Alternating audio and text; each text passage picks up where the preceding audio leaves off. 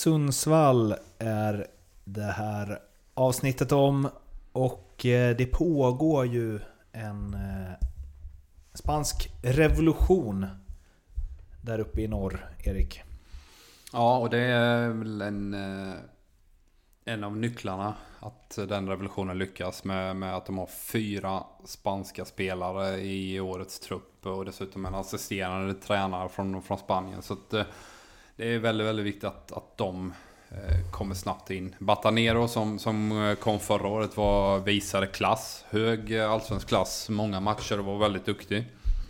Men övriga tre spelare, Gracia, Dominguez och Cercoles om jag uttalar det rätt, måste också upp på nivå. Man har tappat Erik Larsson och Danielsson såklart, viktiga spelare.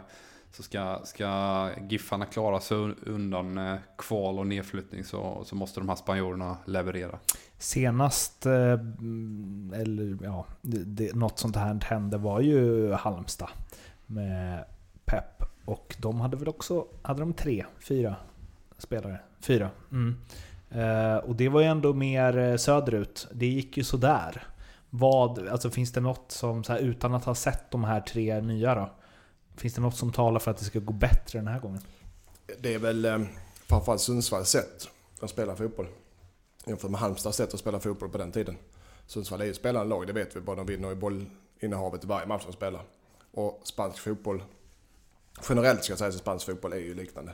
Mycket bollinnehav, eh, bra grund, okej, bra funktionell teknik på spelarna. Så jag tror så sätt kan passa in i Sundsvall i fotbollsmässigt, men där ska de kunna hantera miljön i Sundsvall, vad det betyder med väder och vind och eh, stad. Och det sociala helt enkelt.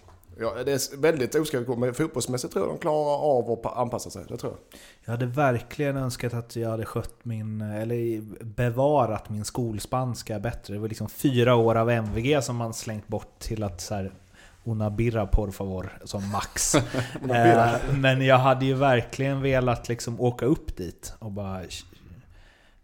Buenos dias, senores. Och bara frågat vad de tycker om hela grejen. Mm, det måste ju vara något utom, alltså Sundsvall är ju fint, men som det ligger liksom nere och sen så fjälltopparna runt om. De måste ju bara... Ja, det måste ju vara något annat. Ja, men du som journalist kan väl göra lite trevligt reportage där uppe Mårten? Jo, ja, jo, jo, men det är ju spanskan. Det löser det. det löser jag. Man får gå med sånt lexikon man hade. Nej, men det, för det känns ju som att... Eh, jag vet inte, det är ju en kul satsning men jag kan, jag kan verkligen inte se hur... Eh, det spelar ingen roll vilken fotboll de spelar, för det är, något, det är något helt annat än vad de är vana vid. Men sen har du också skillnaden där, jämfört med Pep i Halmstad, är att du har ju du har en, en tränare som är assisterande. Han är inte huvudtränare, spanjoren är assisterande. Mm. Så jag menar, han, han, det är inte han som får med, han, han är mellanhand och det kanske kan hjälpa så du inte står direkt och pratar till spelarna utan han är en mellanhand. Så det behöver inte bli att genomgångar på engelska eller eh, någon ska lära sig lite eh, småsvenska, spanska. Utan kommunikationen kommer gå mycket smidigare. Var är han ifrån innan? Pratar han engelska alltså? Jag vet inte, har du koll på det? Eh, Ferran Sibilla. Ja. Eh, nej, jag har dålig koll men jag vet att Joel har en... Eh, Joel Cederqvist mm. som är huvudtränare. Han kan ju portugis... Cedergren, förlåt. Jag gick ju med på pro och borde kunna efternamnet. Eh, han har ju eh, en brasiliansk fru så han kan ju portugisiska. Aha. Så ja, just, okay, det just det här eh, lingvistiska problemet som borde funnits finns ju inte där. Utan mm. både Joel och assisterande tränaren kan ju förklara hur han vill det.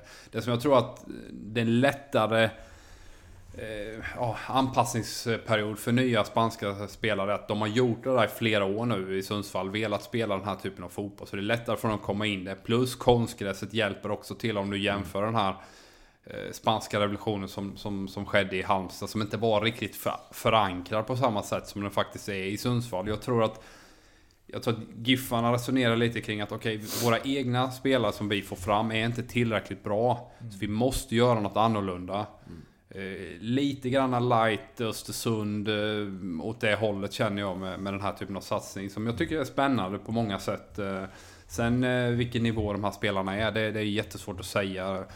Segunda håller ju jättehög klass. Men jag skulle tippa att många av de här spelarna kommer från storklubbar men inte lyckas och kanske kommer från Segunda 2 eller Segunda B som det heter och C1 också kanske. Så att, eh, de är oprövade på allsvensk nivå. Mm. Och vid sidan av planen är det lite kämpigt ju. Ja, det ekonomiska. De eh, Giffarna gick ut och försökte få någon sorts dispens om att eh, få uppskov på elitsen. Så var det var fram till eh, TV-avtalet var i hamn om de var kvar i Allsvenskan då. Eh, jag har aldrig hört talas om och, och jag har väl inte hört mer efter det men det, det kommer jag aldrig gå igenom. Jag har svårt att tänka mig i alla fall. Eh, men det står, de har ju satt sig ordentligt i, i skiten och det är pengarna. De har sinat ordentligt. Eh, men eh, de måste ju, de måste ju sälja spelare. De måste, de har inget val. Då är frågan, vilka spelare ska de sälja? Det är frågan. Spanjorerna kan man inte räkna med att sälja för de har säkert något klausul i kontraktet. De kommer upp här att det är en spottstyv vad de blir sålda för. Vem ska de sälja? För, för Tommy kunna... Naurin? Nej. Nej, men vem ska de sälja för att rädda upp ekonomin? Ja, det är väl Peter Wilson. Men det, det ja, kommer men... inte bli jättemycket pengar. Nej, han kanske någon två, tre miljoner. Mm. Jag kan bli riktigt irriterad på det här när man missköter eh, ekonomin som, är, som, som Sundsvall lite har gjort. Man har budgeterat med ett alldeles för högt publiksnitt. Mm. Man har budgeterat med att sälja spelare. Det finns en klubb här i närheten som har gjort det också.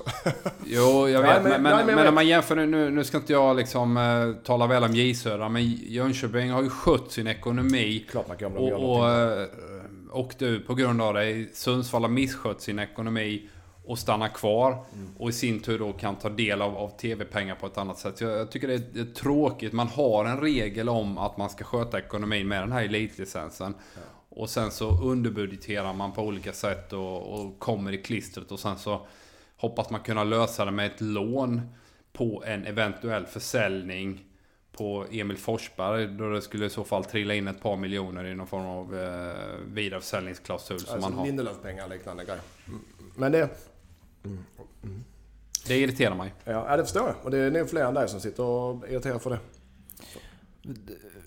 Jag blir ju irriterad av att jag eh, sa Una Birra istället för Una Cerveza. Bara det. Det var de fyra årens spanska studier. Ville bara rätta den. Eh, och sen så blir jag lite... Ja, jag vet inte. Jag tycker att de är... Ja, alltså de är ju så... Och det är så för att jag har ingen koll på spanjorerna överhuvudtaget. Men jag tycker de ser superbleka ut. Eh, och Peter Wilson har ju inte utvecklats till det man kanske trodde att han skulle utvecklas till. Och eh, som jag var inne på i Djurgårdsavsnittet, som, eh, för er som hörde det. De gjorde sig av med Marcus Danielsson, som varit deras genomgående bästa spelare under många år. Och den som har varit näst bäst är väl Erik Larsson. Och jag kan inte se liksom vad de har eh, fyllt de luckorna med. Sen finns det lite så här småspännande. Eh, Rubio eh, Sivodedov är väl liksom... Hade säkert kunnat bli någonting men... Eh, ah, jag tycker det ser ruggigt tunt ut. Framförallt... Eh, eller så här, offensivt har jag ingen aning hur bra de, många av de spelarna är. Och defensivt tycker jag att det ser väldigt tunt ut. Sen så kommer du liksom dragandes med århundradets inside att Joel Cedergren pratar portugisiska. Och då blir det, då blir det något annat. Då vill jag, hade jag velat tippa om. Men liksom, jag vet inte. Det är så otroligt. Jag kan inte se vem som ska göra massa mål. Och jag kan inte se vem som ska stoppa motståndaren från att göra mål heller. Du har ju Linus Hanenius gjorde väl ändå en, en ganska bra säsong. Han har varit eh, iskall ett par år, eh, bland annat i HIF. Wilson hade en tuff, eh, tufft andra år kan man ju säga. Han kom in där på hösten 2016 och gjorde det jättebra och nästan uppåt 10 mål va. Mm. Och sen hade han ett tufft år förra året. Men det är, det är möjligt om han, han och Linus Hallenius tillsammans kan eh, hålla kvar eh, Sundsvall i, i serien ytterligare ett år. Men man måste börja få ordning på ekonomin och eh, få det att gå runt. Men det är också de spelarna som de har värvat in. Dels Batanero som kom förra och sen han Cercoles som ska vara någon offensiv mittfältare. Han har ju inte heller gjort massa poäng. Alltså det är ju inte så att han kommer med så här 6 plus 10 från förra säsongen. Utan han gjorde 3 ass på 30 matcher. Alltså, Sundsvall var eller målsnåla också. Eh, poängsnåla men... Ja, men det, det, känns som att de fastnar lite för mycket i så här, vi ska, hålla, vi ja. ska rulla boll. Men ja, det men, spelar ju ingen roll hur mycket du har bollen. Nej, nej det har vi varit inne på innan. Men jag, jag håller inte med riktigt. Jag tror faktiskt Sundsvall är bättre än förra året. Okay. Eh, just med att deras eget spel, att de, eh, de har tryckt så hårt på sitt eget spel. De har kört det oavsett om de vinner matchen eller inte. Så har de tryck på sitt eget spel. De ska ha bollinnehav, det ska, matcherna ska föras. Jag ska säga, det räcker att de träffar rätt med en spelare som hittar den här spetskvaliteten och avgör matcherna. Så kommer, det, kommer de fungera, för de är trygga i sitt eget spel. Och det som du är inne på ofta Erik, de är trygga i sitt eget spel oavsett motstånd. Så de är trygga i sitt eget spel, även om de inte har kvalitet, tillräcklig kvalitet, så är de trygga. Och det är många lag som inte har den tryggheten. Så jag tror att de kommer, jag tror de gör ett bättre år än förra året. Var slutar de då? De kommer på tolfte plats i år. Jag har också en tolva. Och jag tror att de slutar sist på sextonde plats. Mm. Det var ju då innan jag visste att Joel Cedergren pratar portugisiska. Mm. Och så har vi... Vi har specialspel ja, från mitt. NordicBet. Mm, det är, det är ditt. Mitt, det är mitt den här gången, jag hoppar lite här. Men Sundsvall, Sundsvall klarar sig utan kval och noll utvisningar i Allsvenskan nästa år, detta år. Att de klarar sig kvar tror jag. Och sen så är det det konstgräslag, så som de spelar konstgräslag så klarar de, brukar det vara väldigt städat i Sundsvalls matcher. Och de har fått lite spanjorer i och för sig. 7,50 är på den. Klarar sig kvar i Allsvenskan och noll utvisningar. Ett lag har väl max en utvisning Bra. bra. Mm, godkänd. Mm. Uh, en del av mig sitter ju och hoppas på att någon åker första kvarten första matchen. En spanjor åker, en spanjor åker på snack första tio. Jaha, ja, pang pang, välkommen till Sverige.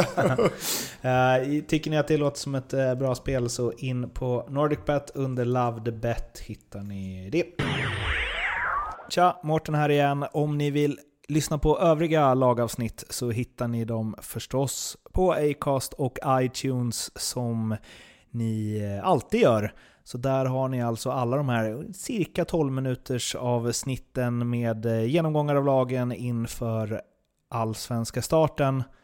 Ni får jättegärna också gå in på vår Facebook, Ljugarbänken, och likea och delge oss eh, era åsikter kring eh, lagen inför Allsvenskan drar igång den 1 april.